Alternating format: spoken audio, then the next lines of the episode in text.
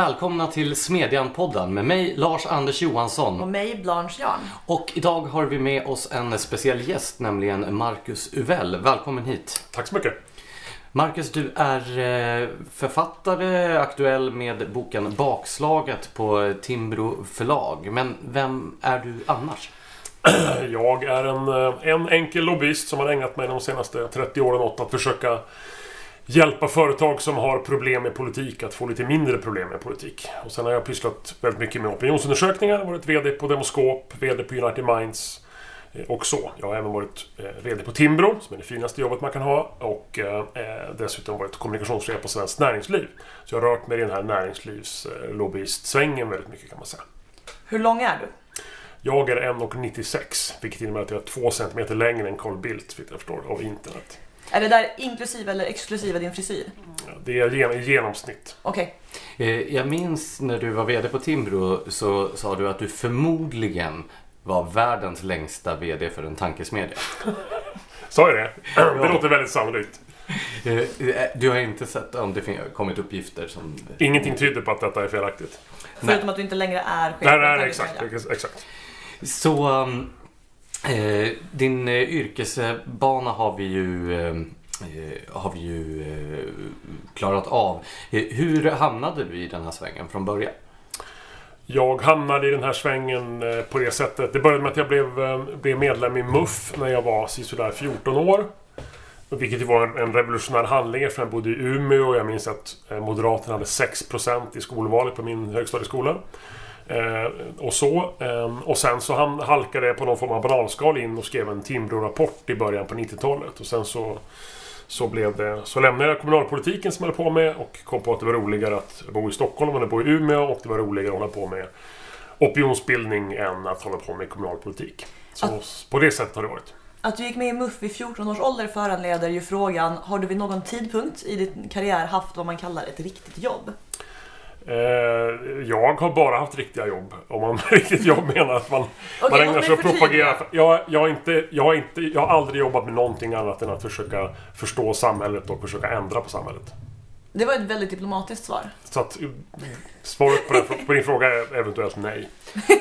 För du Blanche har en, en definition av vad som är ett riktigt jobb, eller hur? Ja, jag har snott definitionen av min pojkvän som menar att man för att ha ett riktigt jobb behöver vara tvungen att byta om för att utföra det och man behöver stämpla in och ut. Eh, nej, då har jag absolut inte haft ett riktigt jobb. Det är bara att gratulera. Eh, hur många djur har du skjutit? Det vet jag inte. Eh, f- Fler än eh, 30 och färre än 100. Exklusive eller inklusive människor. Människor är inte djur, vill jag påpeka. Eh, Det är skönt att vi har klargjort just den saken. Timbros värdegrund är etablerad. Vi kan Ja. gå vidare till att prata om din bok Bakslaget. Mm. Vad står titeln för? Titeln står... Själva bakslaget är den, den opinionsreaktion vi ser i Sverige där den, eh, den ganska radikala samhällsagenda vi haft under lång tid upplever ett bakslag eh, till förmån för eh, uppfattningar som de får uppfattas som ganska, ganska traditionella konservativa eh, attityder till, till samhället. Så att det är ett bakslag för den eh, radikala agendan. Det är däremot inte nödvändigtvis ett bakslag utifrån mitt perspektiv eller utifrån ett borgerligt perspektiv. Men det, vi har sett sett en ganska dramatisk opinionsförändring där, där en radikal agenda har fått, fått väldigt, väldigt mycket stryk. Och jag försöker i boken beskriva varför detta har skett och, hur, och vad, vad är det som egentligen händer. Hur ser den här radikala agendan ut? Jag skulle vilja säga att från, från nästan alla partier så har man under lång tid mer eller mindre accepterat en, en agenda som har, som har legat eh, väldigt mycket i frontlinjen i, i diskussioner som, som har rört till exempel eh, klimatförändringar, feminism, HBTQ-frågor, eh, identitetspolitik och så vidare. Sverige är ju, är ju internationellt sett världens mest progressiva land. Kan man säga. Och vi har ju haft politiker och mediala företrädare som har ägnat sig åt att diskutera de allra mest progressiva exemplen i, de, i detta progressiva klimat. Och det här tror jag har skapat ett, en känsla hos många medborgare av att de här sakerna kanske inte är fel, men de är definitivt fel saker att diskutera just nu.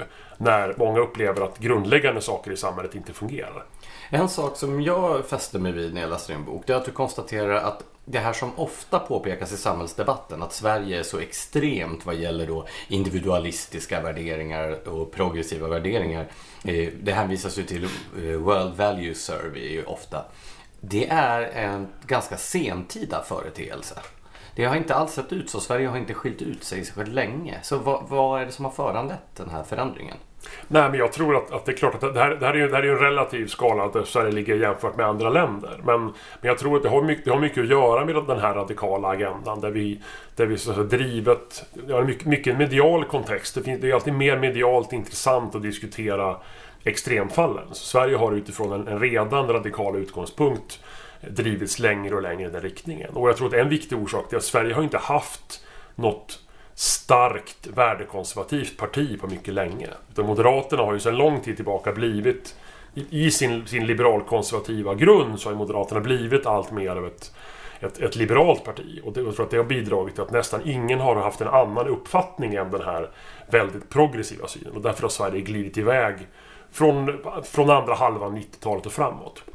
Det här för oss ju då in på detta med att borgerligheten har så kapitalt misslyckats med att fånga upp den högervridning som man ändå kan se inom väljarkåren. Om man följer SOM-institutets mätningar om människor definierar sig som höger eller vänster så ser man ju en svag men entydig rörelse högerut i så gott som alla ålderssegment. Varför har det varit så viktigt för borgerligheten att ställa sig då till vänster om sina egna väljare?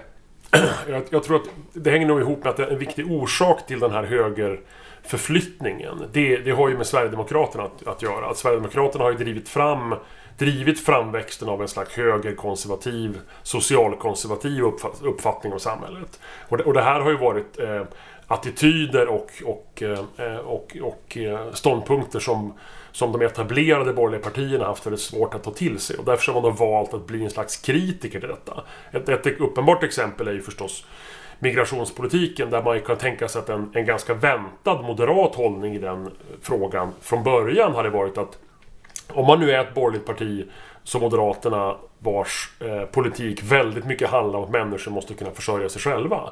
Så kan man förstås inte ha en migrationspolitik som innebär att hundratusentals personer kommer hit och, och, och tillåts leva på bidrag livet ut. Så att säga. Men istället för att, för att landa där så intog Moderaterna till exempel i den frågan eh, en, en, en ståndpunkt där, där just migrationen uppfattades som någon slags helt separat moralisk fråga där man skulle ta ställning utifrån en upplevd känsla av medmänsklighet istället utifrån sin egen ideologi. För man, har, man har haft svårt att få något grepp om den här opinionen och det har gjort att Sverigedemokraterna har kunnat, kunnat eh, dra nytta av den här opinionsförändringen. Det är först på senare tid som som de borgerliga partierna har lyckats börja få ett grepp om det här tycker jag. Så att det är en lång period av, av, av walkover gentemot eh, i grunden konservativa väljare tror jag. Det är därför vi är där vi är. Men de här konservativa värderingarna, har det liksom legat där latent hela tiden och bara liksom så här provocerats upp till ytan så att säga av ett radikalt etablissemang? Eller är det här värderingar som har börjat utvecklas ganska nyligen hos den svenska befolkningen? Jag skulle säga att det, framförallt är det så att det har legat latent ibland när man diskuterar svensk opinion med, med utländska bedömare så får man ju frågan Men hur kan det vara så att att Socialdemokraterna eh, kan vara ett så stort parti att så många kan vara radikala vänsterväljare.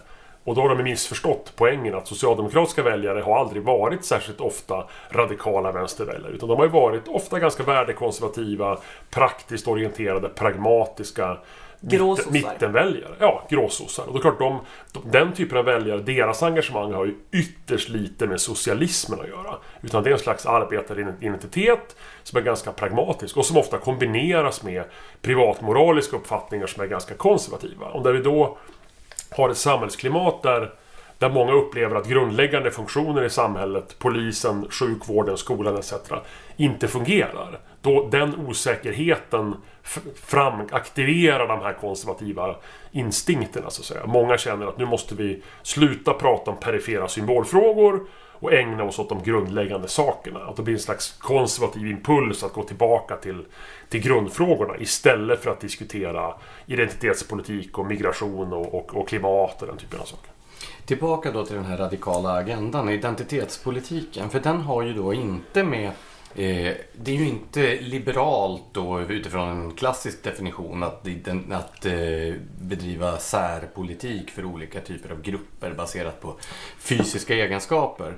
Ändå så har ju borgerligheten närmast mangrant, eller Kristdemokraterna kanske inte hoppade på det tåget men eh, anslutit sig mer eller mindre till den här agendan. Jag minns när Rättviseförmedlingen firade fem år så mm. gratulerade ju då åtminstone tre av fyra, kanske fyra borgerliga partiledare till detta. Och mm. Rättviseförmedlingen har ju varit identitetspolitikens spjutspets. Mm. Hur kommer sig detta? I vems intresse har man agerat här?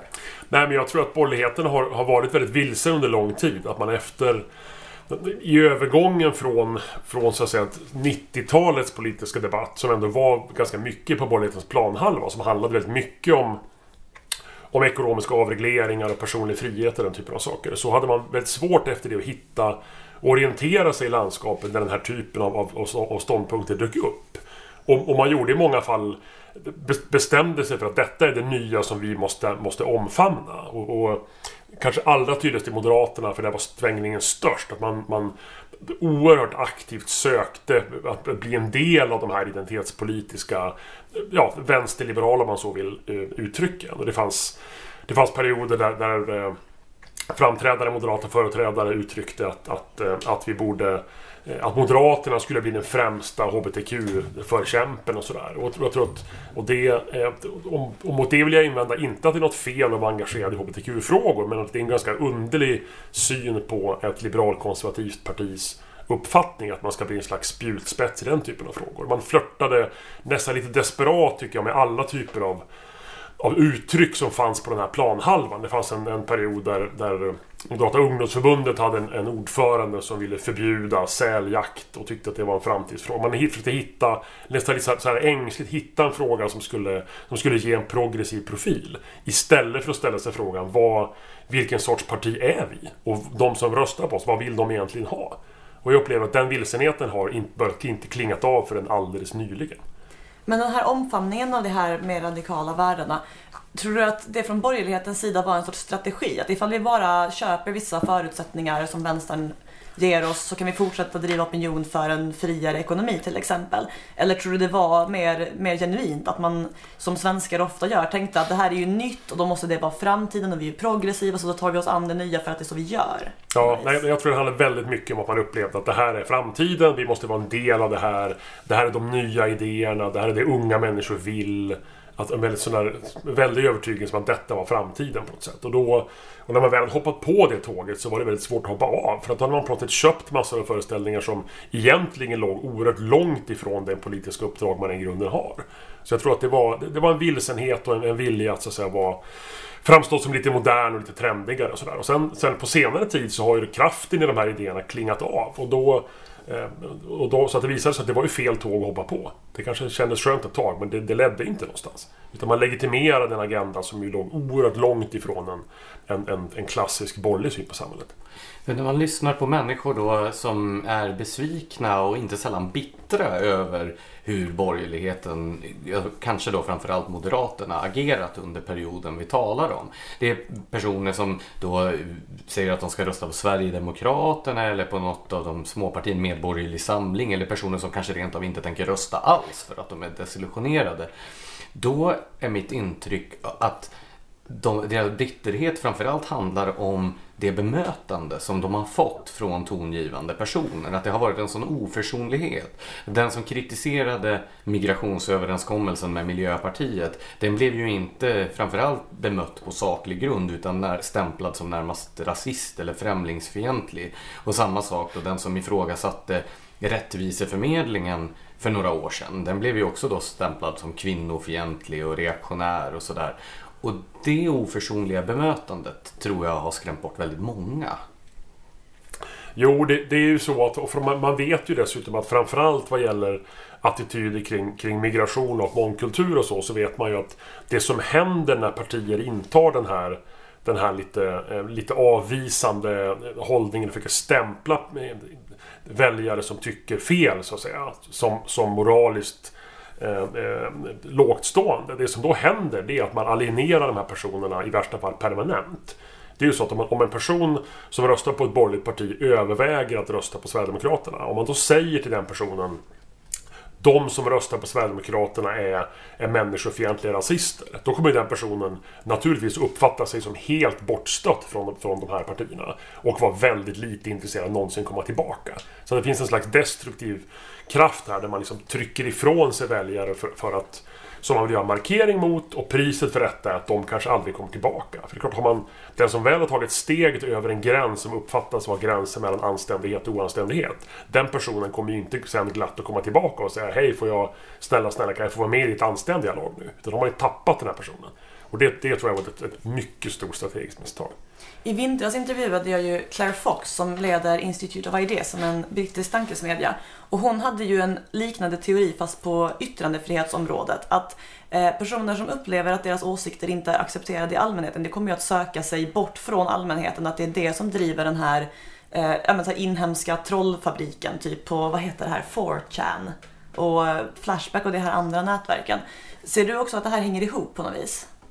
Ja, jag, jag tycker man kan se i någon form av självradikalisering av personer som som antingen frivilligt eller på grund av ett misstag hamnar på fel sida om den här upplevda anständighetsgränsen.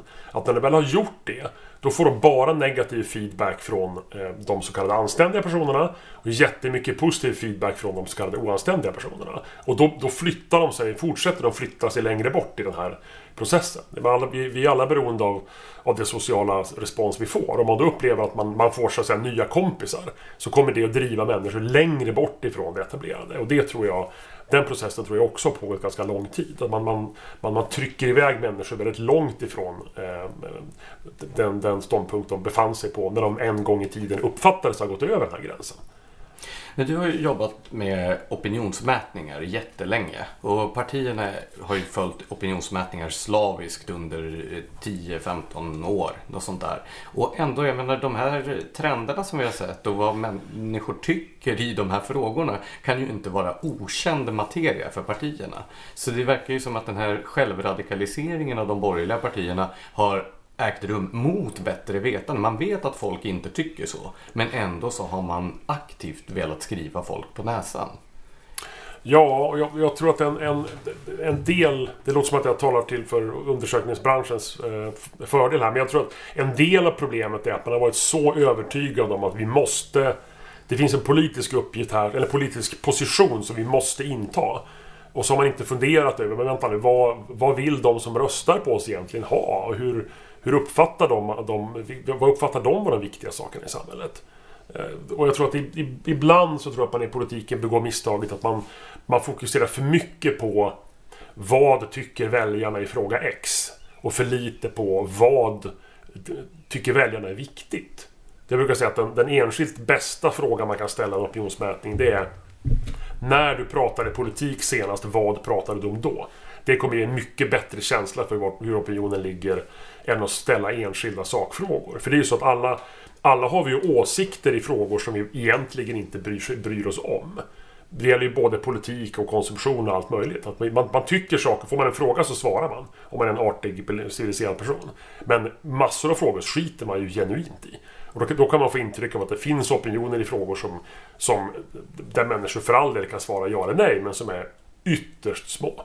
Och det tror jag, man har, man har snöat in på sakfrågor där det, där det upplevs finnas ett stöd och glömt bort att tänka på vad är det egentligen som diskuteras runt svenska folkets köksbord. Och det visar sig att det är ju väldigt sällan det är diskussioner om om identitetspolitik och klimat och hbtq-frågor. Utan mycket mer grundläggande saker. Då har man liksom gått vilse i, i sin, sin tolkning av vad, vad väljarna vill ha, tror jag.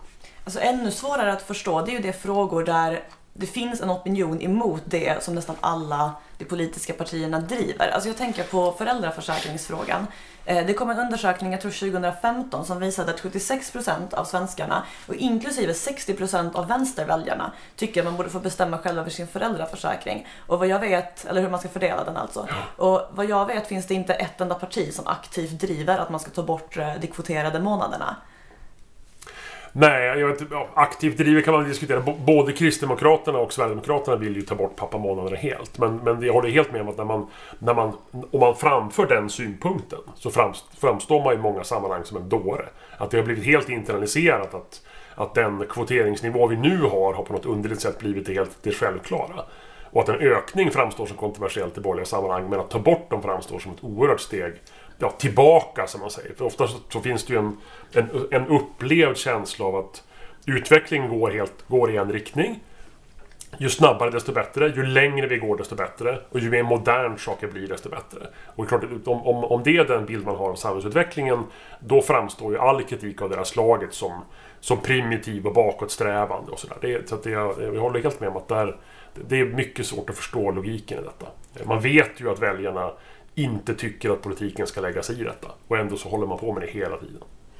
En, eh, nu har vi pratat mycket om partierna. Jag undrar vilken roll som opinionsbildare har spelat i den här utvecklingen. Om det är så att ledarskribenter och tankesmedjor och andra på den borgerliga kanten har drivit på eller försökt bromsa den här självradikaliseringen inom borgerligheten. En annan sån sakfråga som jag själv har intresserat mig mycket för, där jag kan se precis samma mekanismer, det är ju den om eh, privatbilismen. Där det finns en mycket kompakt opinion för ägande av egen bil. Och därför, både om man tittar på opinionsundersökningar som görs och om man tittar på hur folk faktiskt agerar. Det säljs ju fler bilar än någonsin, både begagnade och nya. Mm. Men det finns inte en enda borgerlig ledarsida som har det här som en profilfråga. Men däremot finns det flera som har som profilfråga att vara emot ägande av privat bil. Och där undrar jag hur långt ifrån de borgerliga väljarna befinner sig i den borgerliga opinionsbildningssfären.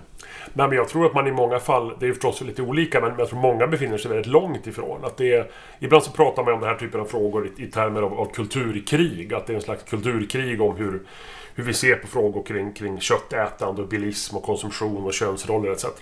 Och, och, jag tror att i hög utsträckning så har borgerligheten helt enkelt bestämt sig för att bara, bara eh, kapitulera i detta kulturkrig från början. Så har man så att säga köpt bilden att att den dominerande bilden har blivit att massor av, av sätt på vilket helt vanliga väljare lever är ett hot mot samhället.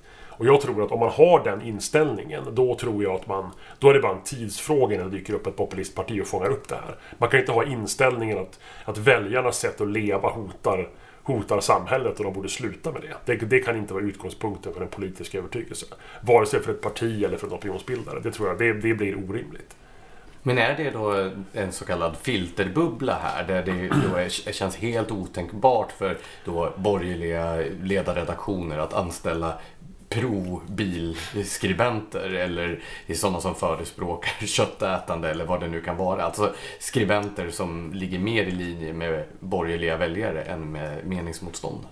Ja, jag tror att det, det blir en filterbubbla så tillvida att det finns ju, det finns ju en sak som är nästan, ett, en nästan starkare värde i Sverige än, än någonting annat och det är det här med moderniteten. Att Sverige är ett land där, där att någonting är modernt uppfattas nästan automatiskt som att det är positivt. Och därför så finns det en enorm dragning hos, hos opinionsbildare och politiker till eh, företeelser som man uppfattar är moderna. Att det är modernare att äta och, och vara vegetarian istället för att äta kött. Det är modernt att cykla. Eller elcykla är tydligen modernt också. Ehm, och då man så att säga uppfattar att detta är självklart gott. Och jag tror att det, klart att det innebär att man, man, man glömmer bort att för många människor så är, så är den här frågan om vad som är modernt, det är inte alls så att det är självklart bra. Utan människor lever i en, i en tillvaro där, där man behöver till exempel sin bil för att kunna ta sig fram och tillbaka till jobbet och skjutsa barnen till och från skolan. Och, och för dem så är, så är det det som är den naturliga utgångspunkten. Vad som är modernt eller inte är för dem helt ointressant. Och man äter kött därför att ja, man tycker att det är gott och man har alltid gjort det och, och, man tycker att det är trevligt. Och då förstår man inte hur kan någons uppfattning om vad som är modernt vara ett argument mot mitt sätt att leva? Och det tror jag att man har, man, man har för snabbt köpt den här föreställningen om att man Miljöpartiet drev ju inför inför valet 2010 tror jag, valrörelsen under kampanjen Modernisera Sverige. Som ju var ett fantastiskt sätt att fånga den här känslan. Man hade man då bilder på vindkraftverk och cyklar och tunnelbanor och, och samkönade par och sådär. Alltså alla typer av uttryck för modernitet. Och jag tror att det, eh, det gick inte så bra i valrörelsen, men jag tror att det var ett fantastiskt sätt att fånga precis den känslan många i offentliga Sverige har. Att vissa saker är moderna, objektivt bra, andra saker är omoderna och därför objektivt dåliga. Och det, eh, det kan man ju tycka, men om, om om de, om de flesta människor i samhället befinner sig i den här omoderna, dåliga miljön så blir det en väldigt underlig relation mellan, mellan väljare och valda. Så att säga. Och det tror jag är en jätteviktig orsak till att vi har, vi har hamnat där vi har hamnat med ganska starka populistströmningar i Sverige och framförallt ett mycket, mycket utbrett missnöje även bland etablerade personer som har fått nog av det här och tycker att nu, nu, nu har det spårat ur. Jag får även intrycket att det finns en motsvarande syn att det på något vis är mer eftersträvansvärt eller ser bättre ut eller så att vara den som, eh, som lockar unga väljare och fokuserar på vad de unga personerna bryr sig om. Att det liksom finns någon sorts inneboende visdom eller så hos unga människor. Eh, vilket ju är en dålig utgångspunkt att ha med tanke på att unga människor sen växer upp och börjar betala skatt själva och ändrar sin syn på saker lite. Men att man liksom jagar efter den unga opinionen som någon sorts egenvärde. Just det. Ja, nej, jag, jag tror det ligger väldigt mycket i det. Att det är, I strävan efter den här, den här moderniteten så har så har ungdomen blivit så att säga facit. Att de är per definition de som har de moderna värderingarna. Och det, och det intressanta med det där det är ju att det finns ju på senare tid så har det framkommit ett mönster att, att eh, i många frågor så är unga människors värderingar betydligt mer konservativa än man skulle kunna tro. Och i flera fall mer konservativa än, inte än de äldstas värderingar, men än, än medelålders människors värderingar. Har du några på, exempel på det? Nej, men om man, om man ställer frågor om vad människor tycker är Eh, Eh, tycker är viktigt i, i livet och ger status och de, som de känner, känner eh, respekt för. Då är det den här nidbilden att unga människor vill, vill, eh, vill bli stora på internet och vill bli kändisar. Och istället så svarar, svarar ungdomar att det mest statusfyllda det är att kunna hålla ihop en livslång relation. Att ha liksom ett, ett, ett bra familjeliv. Alltså en helt annan bild av hur, vad de tycker är viktigt i livet. Va? Och vikt, att, att, att, ha, att ha en bra utbildning är viktigt. Att vara känd är inte så viktigt. Så jag tror man, man, man lurar sig man tror att, att unga människor per automatik kommer att vara för alla saker som är nytt i samhället. Utan det är tvärtom så finns det, det som ibland pratar man om generation ordning, ett begrepp som har använts. Att det är, man ser ty, tydliga konservativa strömningar bland de yngsta. Mm. Som, eh, som ju går helt, helt på tvärs med den här idén om, om den här ungdomsdrivna moderniteten.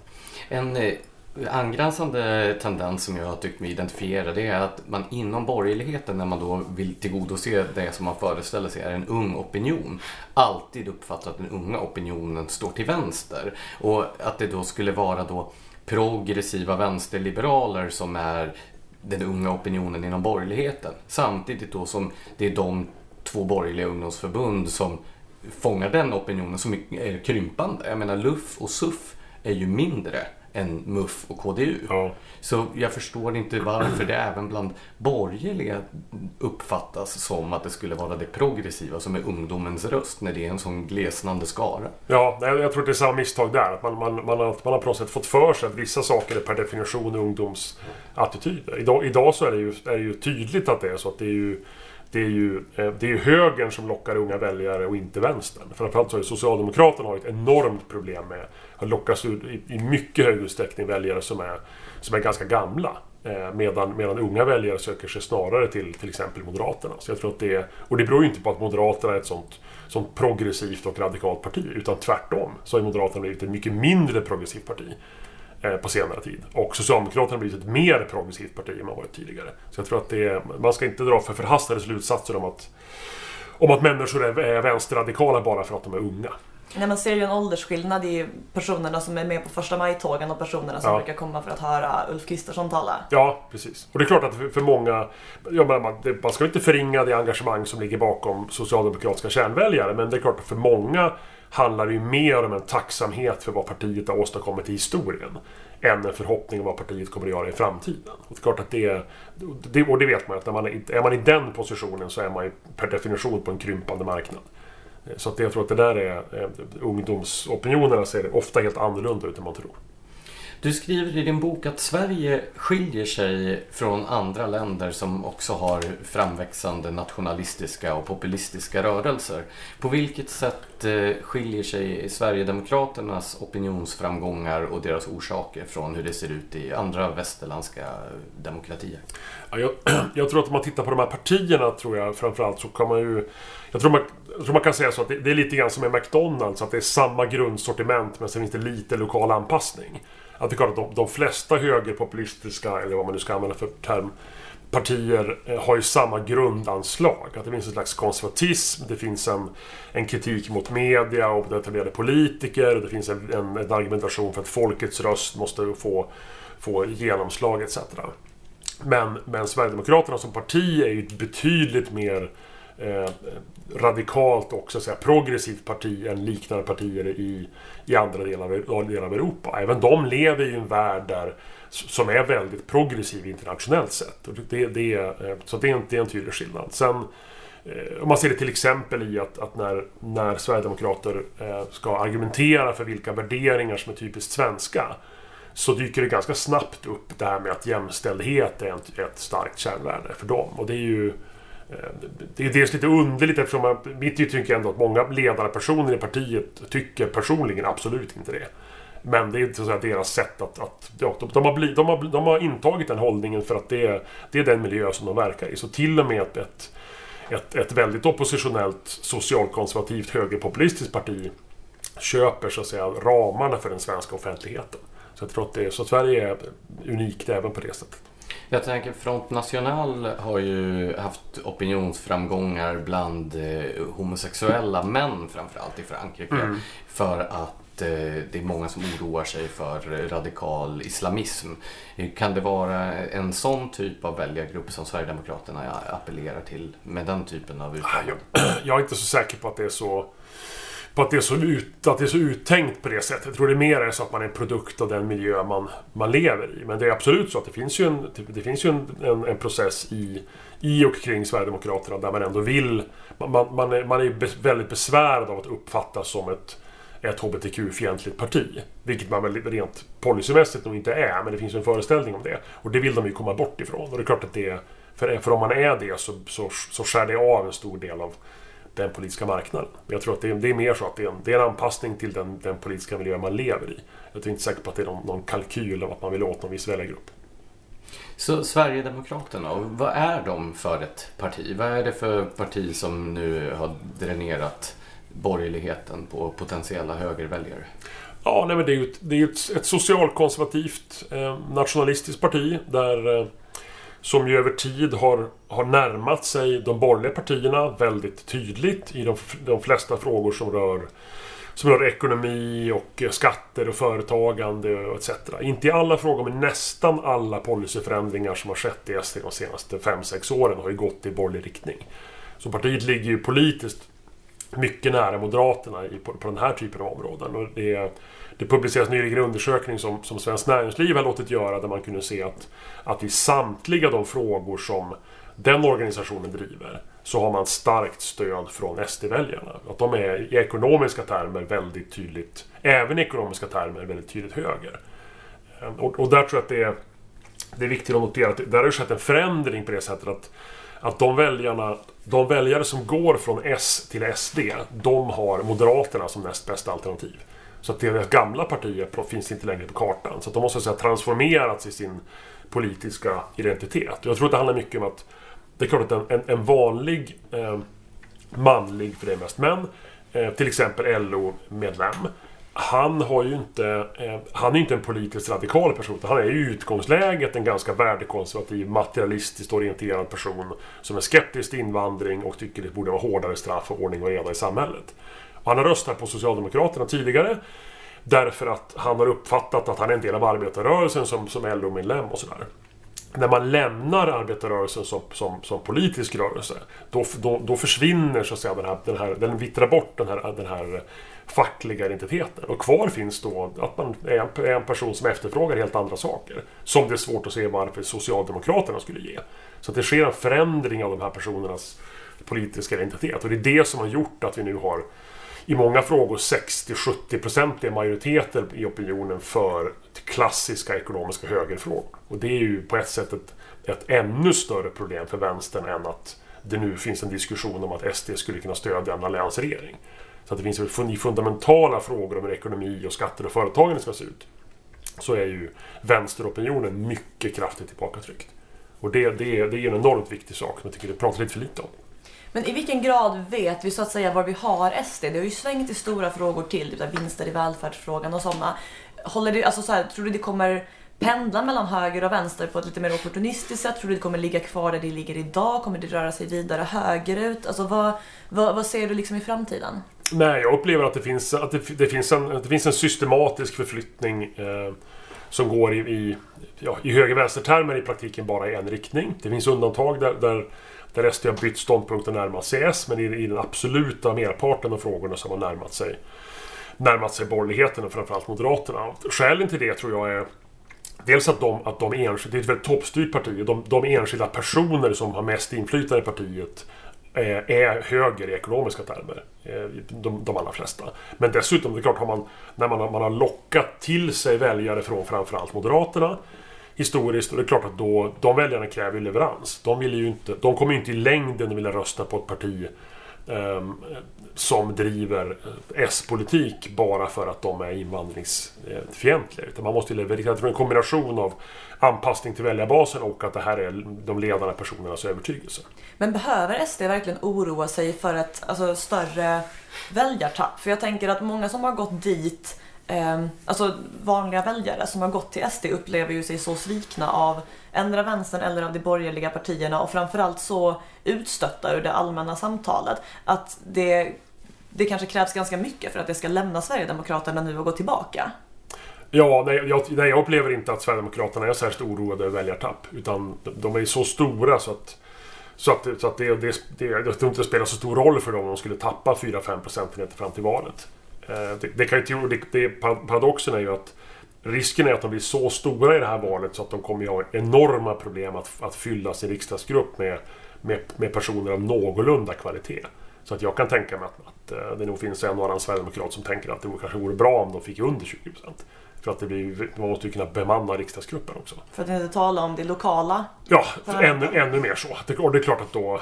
då ehm, så jag tror partier som befinner sig i den typen av extrem framgångsvåg som SD gör är sällan särskilt bekymrade över den exakta nivån. De är nog ganska trygga i att det här kommer att bli ett succéval för dem. Alldeles oavsett vad som händer från och med nu. Det låter ju ändå som att Sverigedemokraternas framgångar är ett större problem för Socialdemokraterna än för borgerligheten om det är så att de Sverigedemokratiska väljarna då även som har gått från S betraktar M som sitt andrahandsalternativ. Eh, men samtidigt har Sverigedemokraterna vid flera tillfällen sagt att de är beredda att släppa fram en, eh, ännu en S-regering i höst om inte Moderaterna då tillgodoser deras önskemål på framförallt migrationsområdet. Ja, eller man, det är väl snarare så att man har väl... Ja, man, har, man har svarat på frågor man har fått om detta och, och förstås eh, velat ge intryck av att man faktiskt kommer att ställa en del krav. Det vi idag vet om, om Sverigedemokraternas syn på regeringsbildningen det är ju att, att eh, att eh, de har tydligt deklarerat att om en alliansregering för en migrationspolitik som är tillräckligt stram och ytterligare någon, någon, någon liten förutsättning. Eh, så kommer de att vara beredda att stödja den regeringen utan några som helst motprestationer. Utan att man ens har samtal med dem. Så de har ju så att säga i, i diskussionen om huruvida man ska förhandla med SD så har ju SD i praktiken självmant sagt att det behövs inte, så det kan ni glömma. Men kravet är då ett, ett rent policykrav, att migrationspolitiken måste vara tillräckligt stram. Och det är klart att svaret på frågan om den inte är det um, så stöder de inte en sån regering och om då Socialdemokraterna skulle ha en mer strikt politik, det är klart att, de i teorin skulle kunna stödja ett sånt alternativ. Då ska man ju komma ihåg dels att dels är sannolikheten att S efter valet kommer att ha en striktare migrationspolitik än Alliansen, det, det verkar väldigt osannolikt med tanke på att partiet då kommer att precis ha förlorat valet och nog vill göra sig kanske lite mer populära i bredden i partiet. Dessutom så är det så att, att eh, som sagt, de personer som leder, leder eh, partiet tycker eh, de allra flesta genuint illa om Socialdemokraterna. Och bland SDs väljare så är det bara 5% som vill ha Stefan Löfven som statsminister. Så att, att stödja honom skulle ju av alla skäl vara helt irrationellt. Men det är klart att det i teorin kan hända. Förstås. Det är alla de här försäkringarna som har kommit från Kristersson och andra borgerliga företrädare om att man absolut inte ska förhandla med SD, man ska absolut inte samarbeta med SD. Eh, vad, vad, handlar det om? Vad, vad, är egentligen de definitionerna av förhandla och samarbeta i det här sammanhanget? Och hur kommer, sig att, kommer det sig att man från borgerligt håll inte ställer samma krav på S och MP visavi Vänsterpartiet? Ja, man, den senare frågan, man, man, har ju försökt det, men den frågan biter inte riktigt. Det finns ingen, det finns ingen särskild oro i väljarkåren för Vänsterpartiet, vilket man kan tycka är, är lite, bekym, lite besynnerligt. Och inte heller bland S-väljare finns någonstans den här gamla oron för att vi kan inte förhandla med kommunister, att den, den har ju har på något sätt vittrat bort. Så att jag, jag tror det finns ingen marknad för att, att försöka driva den, den tesen. Jag, det här med förhand... Men finns det det bland väljarkåren för att förhandla med SD då? Ja, man, man, det man vet är att det, synen på den, den, frågan är väldigt olika i olika allianspartier. Bland moderatväljare finns det ju en, en, en hygglig grupp som tycker att, att, att det borde man ändå göra. Vi, vi kunde ju eh, tidigare här i sommar i, i Almedalen så kunde vi höra Ulf Kristerssons tal att han eh, då uttryckte saken som att han kommer inte att regera med Sverigedemokraterna, kommer inte att regeringsförhandla med Sverigedemokraterna. Det senare var ju ett helt nytt sätt att uttrycka sig. Och jag tror att det, inte, det, var, inte, det var inte ett nytt besked i meningen att, att man har bytt ståndpunkt. Däremot var det en konkret, konkretion om vad det handlar om. Att man, man kommer inte att, att, att, att föra regeringsförhandlingar med, med detta parti. När man väl, när man väl har tillträtt däremot. Så då är frågan, okej, okay, hur ska den nya alliansregeringen få igenom sin politik? Och då, man kan ju diskutera vad som exakt innebär en förhandling, men då är det ju, menar jag, helt uppenbart att, att då kommer man ju naturligtvis att föra samtal om vad som krävs för att få igenom sin politik. Allt annat vore ju otänkbart. Om man inte vill det, då finns det ju ingen poäng överhuvudtaget att försöka bilda regering. För då blir man ju ensidigt beroende av enbart Socialdemokraterna.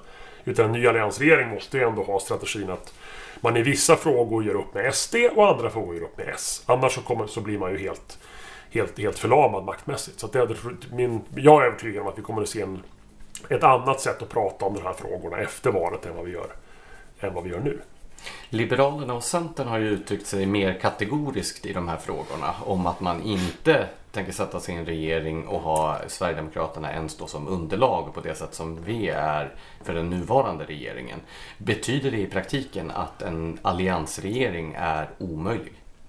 Nej, jag, jag tror att, nej, jag tror i praktiken tror jag att en alliansregering är nästan oundviklig. Eh, I den här frågan kan man notera att att det har ju från Centerhåll kommit en del, en del signaler här tidigare under sommaren. Dels så den här uppmärksammade frågan om, att, om hur Alliansen skulle, skulle lägga fram ett gemensamt talmansförslag även om de blir mindre än de rödgröna partierna.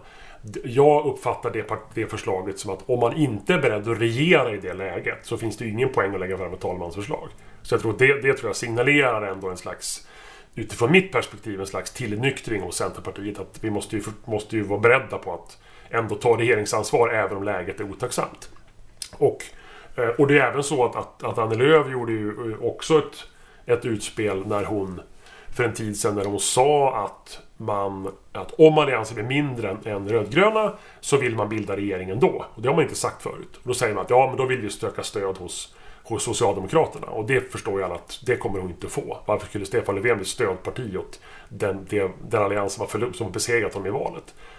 Och det som sen återstår är ju förstås att bilda regering fast man är mindre än ja, rödgröna med stöd av, av Sverigedemokraterna. Så jag tror att det, det, vi kommer att få se en, en, en slags verklighetsanpassning av den här retoriken. Och jag tror att det är, det är inte en slump att man använder sig av så diffusa begrepp som samarbeta, förhandla. Om, om det var så att eh, att någon borgerlig partiledare hade uppfattningen att man hellre ser Stefan Löfven som statsminister än att regera med stöd av Sverigedemokraterna. Då hade man ju sagt det. Och det säger man inte för det tycker man inte. Sverigedemokraterna återigen då. Du har ju intervjuat i din bok Mattias Karlsson om partiets mm. ideologi och, säger, och du konstaterar att det finns en grundläggande skillnad mellan en ideologisk skillnad mellan Sverigedemokraterna och borgerligheten. Vad är den viktigaste skillnaden? Ja, jag, det, det, finns några sådana. En, en, en vikt, jätteviktig skillnad som jag tycker som jag tycker får lite för lite uppmärksamhet, det är ju det faktum att, att SD eh, håller ju inte med om att staten ska vara värdeneutral. Utan SD tycker ju att, att staten ska aktivt se till att, att eh, till exempel de kulturyttringar som finns i samhället är är de rätta. Det vill säga de som stämmer överens med, med Sverigedemokraternas ideologi. Deras, deras syn på kulturpolitiken till exempel, som är ett område som engagerar Mattias Karlsson väldigt mycket, är ju sådana att där menar ju de att, att politiken ska aktivt styra innehållet i kulturen så att det blir så att säga traditionella svenska kulturyttringar istället för andra saker. Och, och det, så där ligger man ju närmare en slags vänstersyn på hur man ska se på, på statens roll.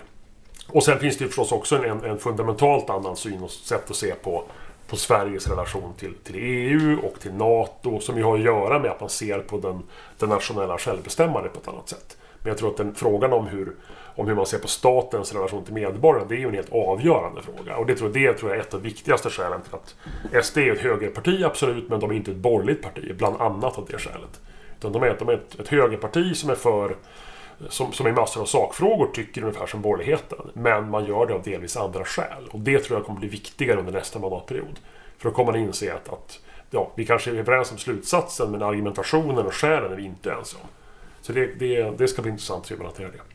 När man lyssnar på företrädare för de andra partierna så får man ju då känslan av att Sverigedemokraternas politik är oerhört extrem och att eh, in, politiskt inflytande från Sverigedemokraterna skulle innebära i princip en total omstöpning av det svenska samhället. Under Almedalsveckan såg vi också eh, skattefinansierade organisationer som Riksteatern som var ute och kampanjade just mot Sverigedemokraterna, vilket i sig är anmärkningsvärt.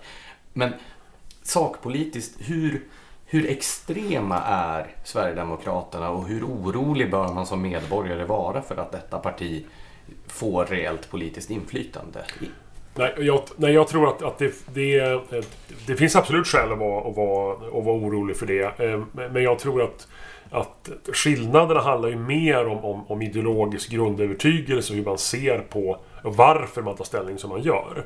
Det är ganska få sakfrågor idag där, där SD befinner sig i någon slags extrem position. Men man, som sagt, man, man har ett annat sätt att se på relationen mellan, mellan stat och medborgare. Man har ett annat sätt att se på relationen mellan Sverige och övriga världen.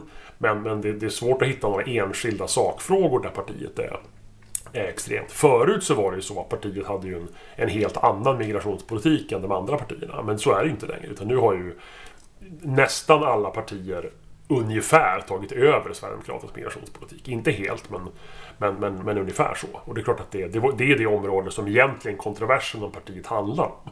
Det är inte för att, att de har en annan syn på statens relation till medborgarna som vi har haft det här enorma grälet om huruvida man kan, kan överhuvudtaget ha kontakt med, utan det handlar om migrationspolitiken. Och där är ju skillnaderna mycket, mycket små i politiken idag. Eh, så att jag tror att det... Eh, men, men i, i grundattityd så finns det ett annat sätt att se på samhället som jag tror är, är inte, inte sund. Men som, som inte är extremism, men som inte är en borgerlig uppfattning om samhället. Men ändå verkar ju beröringsskräcken vara lika stor från till exempel Socialdemokraterna trots då att man tycker i princip lika i den åtskiljande frågan. Ja, jag, jag, jag upplever nog att det är lite både och. Alltså dels, dels upplever ju Socialdemokraterna, eh, även Socialdemokraterna, att det finns en slags taktisk poäng med att fortsätta med de här avståndsmarkeringarna mot Sverigedemokraterna. Jag tror att det är bara destruktivt. Men, men det får ju de avgöra. Eh, men, men samtidigt så är min, mitt intryck ändå att i, i praktiken så, så normaliseras ju även de relationerna. Det, det är mitt bestämda intryck av de, de Sverigedemokrater jag, jag eh, har kontakt med. Att de, de ändå upplever att de bemöts på ett helt annat sätt i vardagen av politiska företrädare. Jag tycker också man, man, man, man, man, man ser det i debatten också, att det, liksom det är ett annat sätt att uttrycka sig. Så jag tror att det, det sker en, absolut en normalisering, men, men det är lite dubbelt för att man vill ju också göra de här markeringarna. Och det blir ju, det blir, då blir det lite märkligt när man både vill säga att någon är en, en omänsklig fascist och behandla personen som, som vem som helst. Det blir, jag tror vi är någon slags förändringsprocess där tror jag. Så nu när vi har rätt ut hur den svenska opinionen och de svenska partierna fungerar eh, så är det dags att gå över till ett lite mer lättsamt ämne. Du ingår ju i den löst sammanhållna bubbla som kallas hårdrockshögern. Och eh, till de som deltar i vår podd som ingår i denna bubbla ställer vi en väldigt viktig kontrollfråga. Mm. Vilket band är bäst av Amon Amart och Dismember? Amon Amart definitivt. Åh herregud. Du är alltså team Ivar Arpi Jag är i den team här Ivar frågan. Arpi. Även i denna fråga. får jag säga. Okej. Inte team Jonna Sima med andra ord. Lyssnar hon på Dismember? Nej, men hon eh, framhöll ju att det var väldigt belastande för Ivar Arpi att Ja, han ja, lyssnade på det, ett band precis. som sjunger Ja, om nej, nej, jag är definitivt på, på ett team Ivar Arpi. Och jag vill var- också säga att jag är inte på... Jag vill passa på att markera mitt avstånd mot Johan Ingerös uppfattning i dessa, denna fråga. Det kan ju också ha varit så att Jonas Sima menade att det var belastande för Ivar Arpi att lyssna på bandet som Marcus Uvell föredrar. Eh, Så kan det vara, fast jag tror inte att hon kände till att jag gillade dem. Så att, men nu, nu har väl möjligen bilden komplicerats ytterligare. Nu vet alla våra läsare Ja. alltså att du har den smaken. Ja, Exakt. det är ju lite belastande. Men eh, innan den dåliga stämningen hinner sätta sig helt och fullt här så tänkte vi bara avslutningsvis fråga om du har något boktips till eh, Smedjan-poddens alla lyssnare. Jag tycker att en av de mest fascinerande böckerna om hur eh, svenska folket tänker, som jag har läst med mycket länge, det är eh, det är David Turefjälls bok Det gudlösa folket som handlar om svenska folkets relation till religion som inte alls är, är så som man kan tro. Utan att det är en mycket närmare relation än man kanske tänker sig. Har du något exempel på eh, någon av eh, de Nej, oväntade? Nej, hans, hans poäng är i huvudsak att, att, eh, att, att svenska folket i väldigt hög utsträckning har så att säga, internaliserat, den, internaliserat kristendomen som en slags eh, som en tradition förstås, men också i grunden som en slags utgångspunkt för, för mängder av moraluppfattningar. Så jag tror att det, de som tror att Sverige är ett, ett land av kämpande ateister har nog, eh, har nog fel. Och jag, ehm, jag skriver också i min bok om att om att eh, jag har ställt en opinionsfråga där hur man ser på det här med kristendomens roll och då kan man se att det finns eh, talande nog en otroligt starkt stöd för uppfattningen att även om Sverige har religionsfrihet så, så, det, så måste det vara tydligt att kristendomen är norm och Sverige är ett kristet land. Ännu en illustration till att det finns en, en, en annan typ av opinionsströmningar än de som vi normalt kanske pratar mest om. Tack så mycket för det boktipset och tack för att du kom hit och gjorde oss sällskap, Marcus Uvell. Tack så mycket!